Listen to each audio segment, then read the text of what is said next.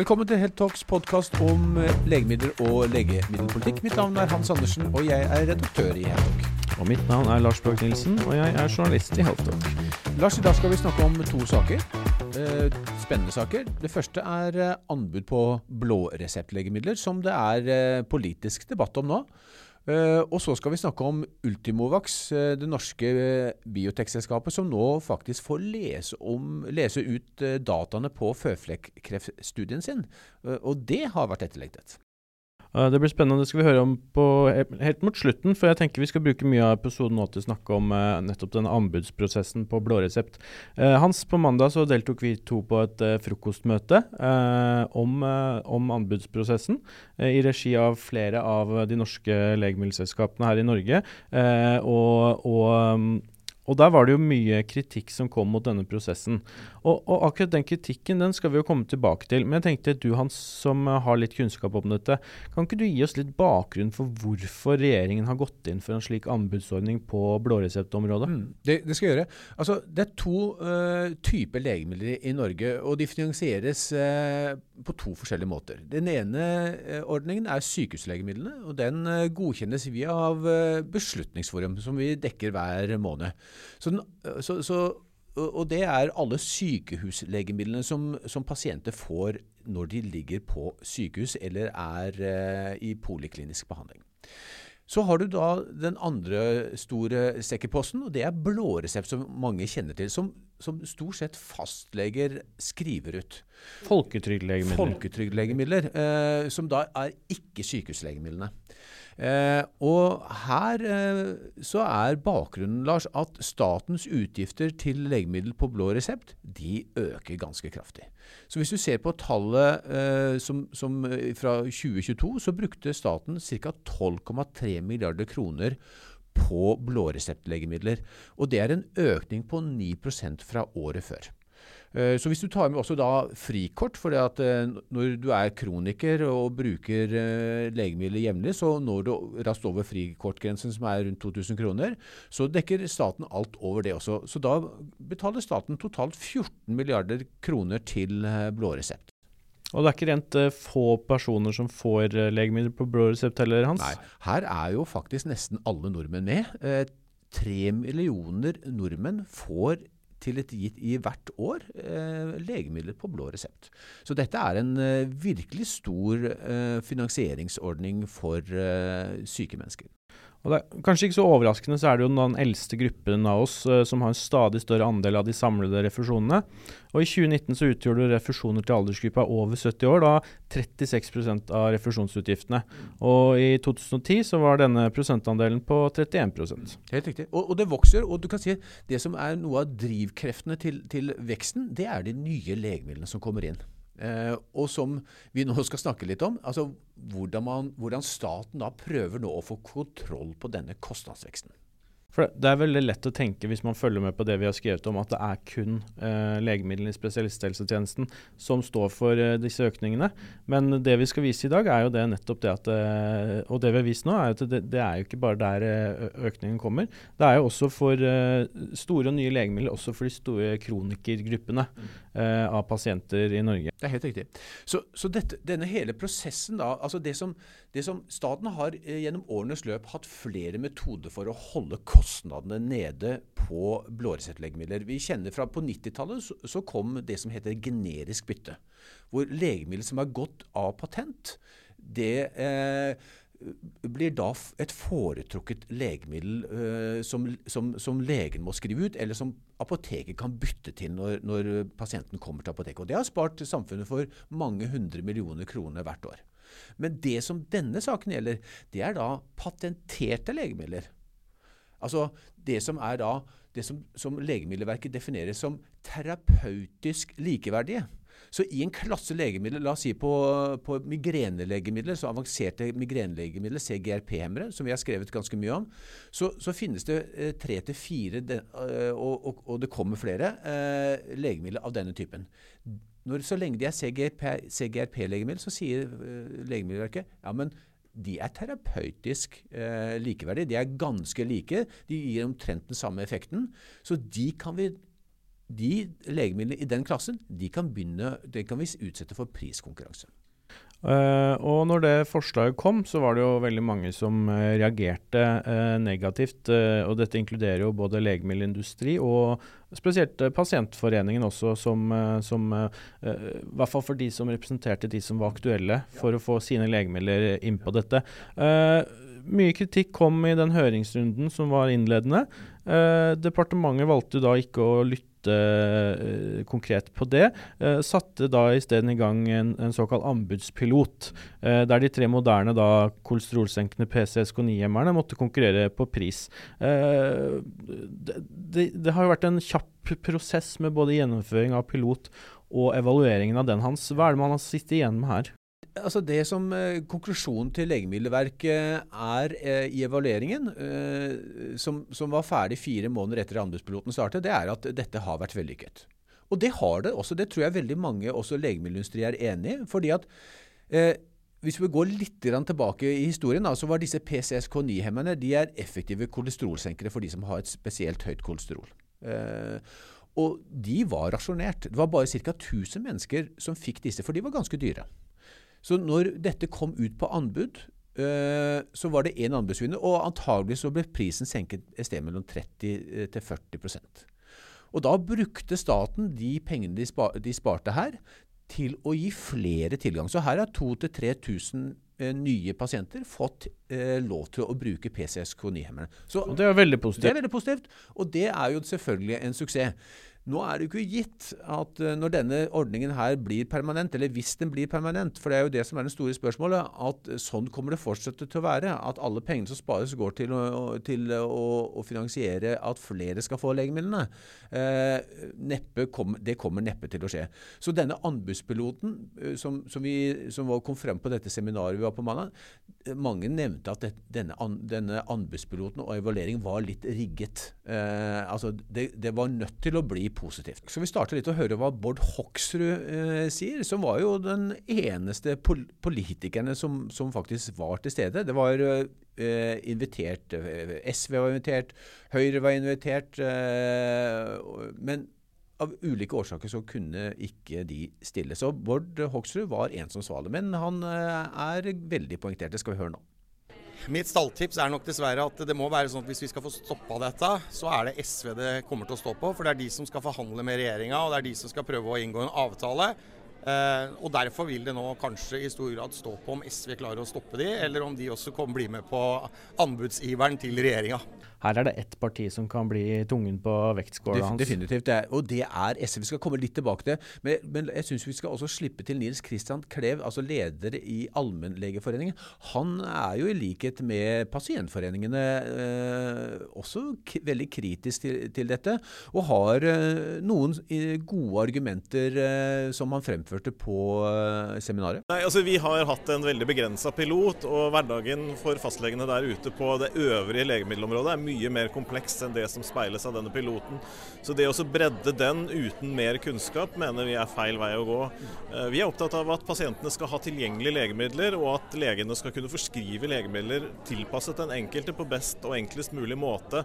Sånn som det ligger an nå, så kan det se ut som det blir en byråkratisering hvor man må søke i mye større grad, og at det også vil kan skape større forskjeller i uh, ulikhet i sosialt i, i, innenfor helse ved at vi vet erfaringsmessig at de mest ressurssterke er de som står hardest på for å få alternativer. Og Hvis det krever mye byråkrati, så vil det kunne bli en gradient der.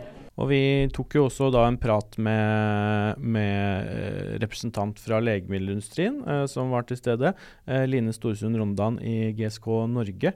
Eh, og Hun mener jo også det at, eh, at eh, ja, det er tydelig potensial for innsparinger her. Men at man også må se dette opp mot de større Eh, utfordringene og kostnadene. Det som hun veldig riktig sier, da, det er at når, når et legemiddel i blåreseptordning eller i sykehusene eh, blir innført, så er det gjort en metodevurdering av Legemiddelverket. og og dersom den konkluderer med at legemiddelet er kostnadseffektivt, samfunnsøkonomisk kostnadseffektivt, så, så, så, blir det innført. Så det er allerede, det er jo ikke slik at disse legemidlene er ekstremt dyre i utgangspunktet. De, er, eh, de har en pris som samfunnet eller staten da har akseptert. Men nå vil etter hvert som tiden går, og det kommer flere konkurrerende legemiddel, terapeutisk likeverdig da, inn i, i, feltet, så ønsker vi selvfølgelig da regjeringen nå å bruke det som et forhandlingskort. Og da kan uh, faktisk uh, staten spare opp mot 600 millioner kroner per år. Prisene, tror de, går ned et sted mellom 20 til 40% gjennom disse anbudsforhandlingene. Vi kan jo bare høre kort hva, hvordan eh, Line Storesund Rondan i GSK beskriver dette. da. Vi er kritiske til anbud på blåreseptlegemidler spesifikt. og Grunnen til det er at først og fremst så har vi et velfungerende system i dag. Dagens ordning fungerer. De legemidlene som er på blå resept i dag, de er allerede vurdert å ha en pris som står i forhold til nytten, i henhold til myndighetenes kriterier. Så det er utgangspunktet før et anbud. Så det er det ene. Og så har vi også muligheter for pris, både prisdialog, diskusjoner på enkeltlegemidler, og også, som vi vet, en patentordning som gjør at du har mekanismer på plass som gjør at prisen går ned når, eh, når patentet er utløpt. Så ordningen fungerer. Det er det ene. Viktigst av alt, et anbud vil føre til begrensninger i uh, muligheten til å individualisere behandlingen. Uh, og vi ser jo det at dess mer som spares på et legemiddelområde gjennom et anbud, potensielt større konsekvenser får det. Både for byråkrati, for pasienten og potensielt også for legemiddelmangel og sikkerhet. Og Det er egentlig det siste aspektet er jo at det, er, det gjør jo at det blir mer sårbart. Har du veldig store volumer til én anbudsvinner, skulle det skje noe uforutsett da, så har man en utfordring med å dekke opp pasientbehovet. Og en av de siste vi pratet med etter denne debatten, det var Tine Pool, som er styreleder i Hodepine Norge, som er da interesseorganisasjonen for de som sliter med hodepinelidelser. Eh, Bl.a. da eh, på migrenefeltet. Og, og, hun var jo veldig uttalt at uh, dette er de kritisk til. Eh, og, og, du spurte jo ganske tidlig henne, Hans, um, er det ikke greit at pasientene får uh, som nye pasienter blir satt på én av disse nye såkalte CGRP-hemmerne som er foreslått innført. Vi kan jo høre hva Tine Pohl svarer på det, da. Absolutt ikke. Vi som klinikere vi kan tilpasse til den enkelte pasienten når vi vet komorbiditet, vi vet hva andre ting de feiler. Vi har absolutt en eh, klinisk følelse av hvilken de skal ha først. Og så kan det hende vi tar feil. Og vi har gjort en undersøkelse blant eh, medlemmene våre i Hodepine Norge. Da var det faktisk 883 pasienter som svarte i løpet av to døgn. Og halvparten hadde prøvd mer enn én. 72% av de hadde bedre effekt av nummer to eller tre. Og det hvis det blir vanskeligere å søke nye, at det blir mer byråkrati, så blir det til at man ikke gjør det. Så blir det kanskje stående på den som ikke har full effekt og som kanskje har bivirkninger det virker som om at de tror at, at eh, pasientene er like og at medisinene er like, og det er det jo ikke. Som jeg sier, det er ikke to snøfnugg som er like i verden, og det er ikke to pasienter som er like. Vi som leger må kunne tilpasse behandlingen til hver enkelt pasient. Vi risikerer et større byråkrati for å få det. Vi risikerer større ulikheter, sosiale ulikheter. At de som har ressurser, klarer å gå og kreve av legen sin å bytte. Vi risikerer større ulikheter i landet. Vi har ikke én nevrolog med offentlig tilskudd nord for Trondheim, annet enn på sykehusene. Altså ikke igjen utenfor sykehus. Det er veldig mye mindre tilgang. Og vi risikerer å miste medisiner fordi tilgangen kan bli begrenset hvis de ikke blir anbudsvinnere.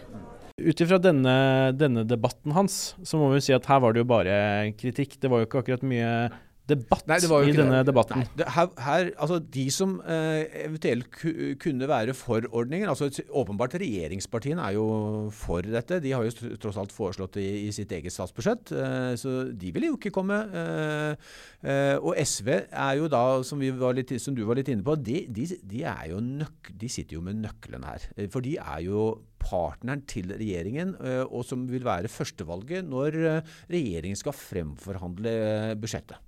Eh, og det er klart at eh, SV har eh, Dørene i SVs eh, helsefraksjon de trenger nok smøring. For de har vært rent ned av alle eh, de som eh, Både av Legeforeningen og av de pasientforeningene som var til stede på, på dette seminaret. Eh, vi snakket jo bl.a. med Marte Rendalsvik Øyen, som er politisk seniorrådgiver i Astma- og Allergiforbundet. Og hun sier jo klart at i dette intervjuet som vi hadde med henne, Lars, at de har det definitivt snakket med SV, og fortsetter å gjøre det. SV kommer mest sannsynlig til å bli tungen på vektskålen her. Er dere i dialog med SV? Vi er i dialog med SV og kommer til å fortsette å være det frem til statsbudsjettet er vedtatt. Kan du fortelle hva tilbakemeldingene fra helsepolitisk talsperson i SV er? Det vi har fått eh, inntrykk av, er at SV som parti er negativ til det. Eh, men det er klart, vi vet jo også at det er eh, mye som skal forhandles om med regjeringen. Så spørsmålet er bare hvor viktig er den saken her for SV til at de kommer til å kjempe for å få gjennom den. Så du frykter rett og slett at denne saken ikke er viktig nok til at SV i den store politiske debatten eller, og, og, om statsbudsjettet, at den, kommer til å bli tapende? Ja, i verste fall så frykter jeg det. Og det er det vi prøver å jobbe for å forhindre. Da. At SV skjønner at dette har en ekstremt stor utilsikta sosial slagside. Eh, og SV, som det partiet det er, eh, mener jeg ikke bør være kjent med det gjøres på deres vakt. Vi syns jo det er veldig spesielt at en regjering som går til valg på nettopp det å utjevne sosiale forskjeller, Eh, foreslår et så stor endring uten å høre på de berørte partene. Eh, så jeg er kjempeglad for at det er en mindretallsregjering, og håper at SV og Stortinget kjenner sin besøkelsestid og sørger for at dette ikke blir vedtatt på deres vakt. Og så er jo spørsmålet, da. Eh, dette er jo bare én del av mange saker som SV skal diskutere med regjeringspartiene i statsbudsjettbehandlinga nå. Og, og da er jo spørsmålet hvor viktig er denne saken for SV opp mot andre politiske saker. Det er helt korrekt. Og det sier jo også uh, Bård Hoksrud til oss i, i intervjuet. At uh, det, kommer til å bli trangt i døra her, fordi at uh, SV har mange saker som de gjerne vil få gjennom i, i forhandlingene med, med, regjeringen. Og det spørs om denne saken her er viktig nok til at de vil bruke 600 millioner kroner på, å, å, for, på at eh, det ikke skal bli en anbudsprosess. Status nå er jo at denne saken skal avgjøres eh, i Stortinget nå etter hvert, og at det er eh, SV som kanskje blir det avgjørende kortet her for eh, om dette går gjennom eller ikke. Så jeg tror det er mange av disse som var i panelet, og også andre interessenter, som nå følger spent med på, på hvordan denne saken vil utvikle seg. Og vi skal også følge dette, og vil, vil følge opp så godt vi kan nå fram til den avgjørelsen skal tas. Vi, vi, vil, komme, vi vil, ta kontakt med Mariann Hussein, som er nestleder og helsepolitisk talsperson i SV, som selvfølgelig sitter med eh, i hvert fall en del av svaret her. Eh, så er jo dette et, et spørsmål som, som vil bli løftet helt på toppen i SV, i hele partiledelsen. Så vi, eh, dette her kommer først til å bli avgjort helt mot rett før jul, altså før Stortinget tar juleferie. Så det kan, kan, bli veldig veldig spennende. Kanskje, som vi har skrevet i en kommentar, Lars, så kanskje det beste man kan håpe på, er at det blir en at Stortinget på mange måter utsetter selve voteringen og, og, og får en flertallsmerknad i, i, i, statsbudsjettet hvor de ber regjeringen fremlegge dette som en egen sak for Stortinget. Eh, så hvis det kan sås tvil om at denne ordningen er eh, veldig eh, negativ for pasientene, så kan det skje. Men eh, normalt sett, så erfaringsmessig, så vil denne type saker eh, eh, fort kunne gå gjennom. Så jeg tror det er nok en overvekt av sannsynlighet for at regjering får flertall sammen med SV for eh, dette. Og hvis dette da viser seg å bli en permanent ordning, altså politisk eh, vedtatt at dette blir permanent, så er det også spennende å høre da etter hvert hva som er, er B-planene for uh, pasienter som kanskje ikke passer inn i denne formen som dette vil da bli, altså en sånn one size fits all. Uh, jeg regner med at det må legges inn noen uh, eh, noen abere her for eh, hvordan de vil håndtere det. Så det blir uansett spennende å følge opp saken, uavhengig av hva den politiske beslutninga blir. Det er alltid spennende med helsepolitikk i stortingskorridorene. Uh, vi, Lars, skal over til uh, den andre saken vår. Det er jo en biotek-selskap som er velkjent. Ultimovax, som, som har kommet med nyheter på løpende bånd den siste måneden. Og det har gjort at Aksjekursen har svingt også ganske kraftig, i, i takt med om det er gode eller mindre gode nyheter. Ja, altså de, de, var jo en sentral del også av ESMO-dekninga vår når vi var nede i Madrid, eh, da Åslaug Helland la fram eh, data fra NIPU-studien. Eh, hvor, hvor, vi var jo eneste aktør som var på ballen når det gjaldt eh, kritikken som kom fra den. Eh, og vi må jo si at eh, vi vet jo ikke om det er det som er grunnen, men det, det skjedde jo mye på børsen etter at de sakene kom ut. Ja, kursen gikk ganske kraftig ned på den første mandagen med 20-25 og drøyde. Så, så kommer det stadig så kommer det noen nye nyheter. og jeg må jo si Ultimovax eh, sitter jo ikke på henda. De er eh, voldsomt aktive til å, å fortelle om uh, nyheter. Uh, og, og, det er det den siste saken skal dreie seg om. Det har jo vært en, si, en, en stein i skoen for Ultimovax og aksjonærene der at uh, det som går på den aller aller viktigste studien deres, altså Initium-studien, som er en studie innen føflekkreft, eh, den, eh, der har eh, de, de, de, måtte utsette og utsette flere ganger avlesningstidspunktet av studien. Her må du forklare oss litt hva som er saken hans. for det, når, Hvis man leser om dette, her, så kan det for noen virke positivt. Ja. Og for andre så virker det jo negativt. Så du må bare forklare litt bakgrunnen for, eh, for eh, hele saken her. Det som er utfordringen, det er jo at studieprotokollen, som det heter, altså det som er da eh, slik studien skal gjennomføres, den fastsetter at forskerne ikke får avlese resultatene før 70 av 156 pasienter som deltar i studien, enten har opplevd forverring av kreften eller er døde.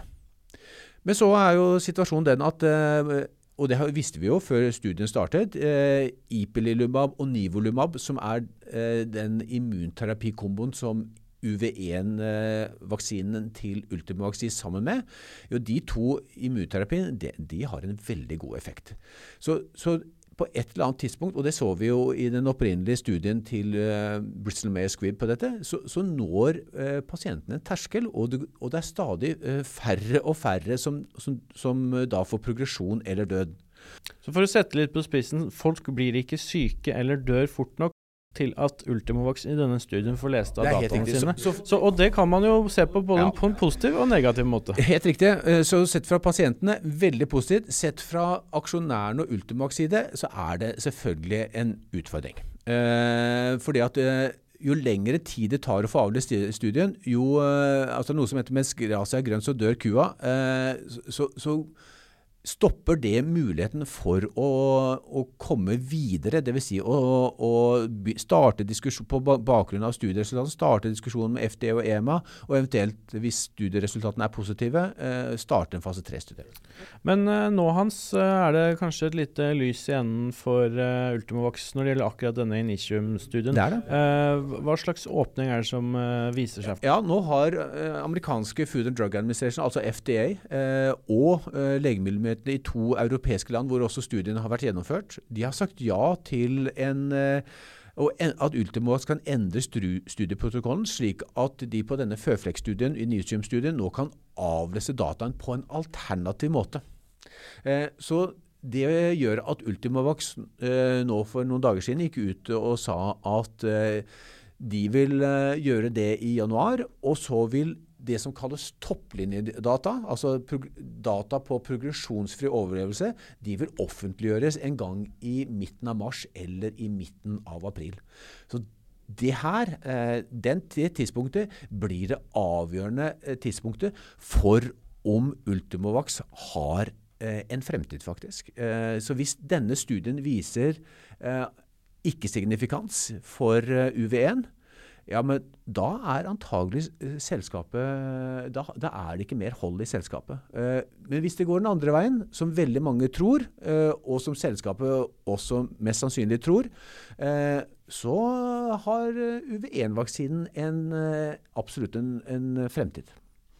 Kan, kan, det være noe negativt i at de får mulighetene til å gjøre dette på en alternativ måte? I løpet av eh, da, første halvår år 2024 så vil vi nå få vite om legemiddelet eh, er mer effektivt enn det som er standardbehandling i dag, altså Ipililubab og Nivolumab. Er den det, så kan det eh, gi grunnlag for å gå videre i en fase 3-studie. Eh, er den ikke det, så er eh, det kroken på døra for selskapet. Så det, det, er altså veldig spennende tider nå for uh, både de i Ultimox, de som følger Ultimox, men også pasientene, ja. uh, som nå muligens kan se mot noe lysere. Men det er klart, som du har nevnt nå, UV1 testes nå opp mot en veldig sterk kombo fra før. Ja. Eh, så her skal man virkelig eh, ha det inne. Altså Her eh, snakker vi jo om eh, den aller beste behandlingen som er tilgjengelig. Eh, Ipililumab og Nivolumab relativt, eh, og med en studie som heter Checkmate 067, så de som har tid til å gå inn og se på den, altså, altså, og, og, og, i hvert fall de som skal investere penger i aksjen, bør sjekke denne studien. For der ser man at når man leste av dataene etter 28 måneder, så var median progresjonsfri overlevelse på 11,7 måneder. Øh, og det, det, er et tall som Inisium-studien er nødt til å slå. Så det blir spennende å se. Uh, vi har vel uh, nådd enden av visa for dagens sending hans. Vi kan jo nevne at for de som vil følge opp mer rundt både um, både Ultimovax-studiet nå og på blåreseptsakene, så har vi lagt flere saker som ligger på vår nettside. Eh, og som også er saker som vi vil følge opp videre. Så vi oppfordrer alle våre lyttere til også å følge med videre på, på våre, våre, nettsider. Og ikke minst melde seg på nyhetsbrev, så er du alltid opptatt. Ja, Lars, da sier vi takk for nå. Takk for i dag. Takk for i dag.